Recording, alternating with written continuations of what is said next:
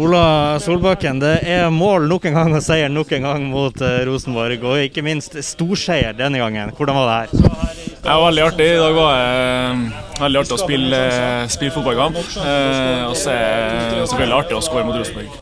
Ja, fordi at Forrige mål du hadde var det avgjørende målet mot Rosenborg, og denne gangen et relativt viktighet for at Bodø skulle bygge opp ledelsen her.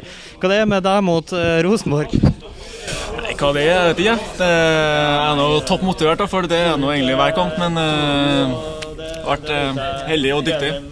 Fordi at det vi også må ta med at Bodø har aldri noen gang slått Rosenborg både hjemme og borte før i samme sesong. Det måtte altså en trønder til? Ja, det måtte en trønder Jeg var ikke klar over det, men jeg det måtte en trønder for å senke Rosenborg videre. Det, det utrolige sesongen. Det vil ikke stoppe. 90 mål nå på 26 kamper Det er jo ingen lag som har vært i nærheten sånn sett, og det er ennå fire kamper igjen.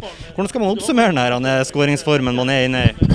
Eh, nei, vi er nå et kollektiv som uh, står på. og Det viser i dag at vi nettopp vunnet gullet. og Så møter vi et uh, medaljejagende Rosenborg. Vi har ingenting å spille om, men likevel så er vi ja, minst like sultne som dem. Så det viser jo litt om hvordan uh, ståa er i gruppa.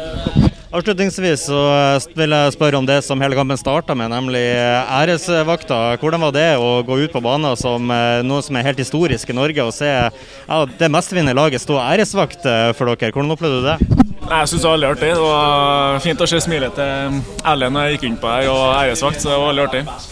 Tusen takk, Ola. Gratulerer med seier.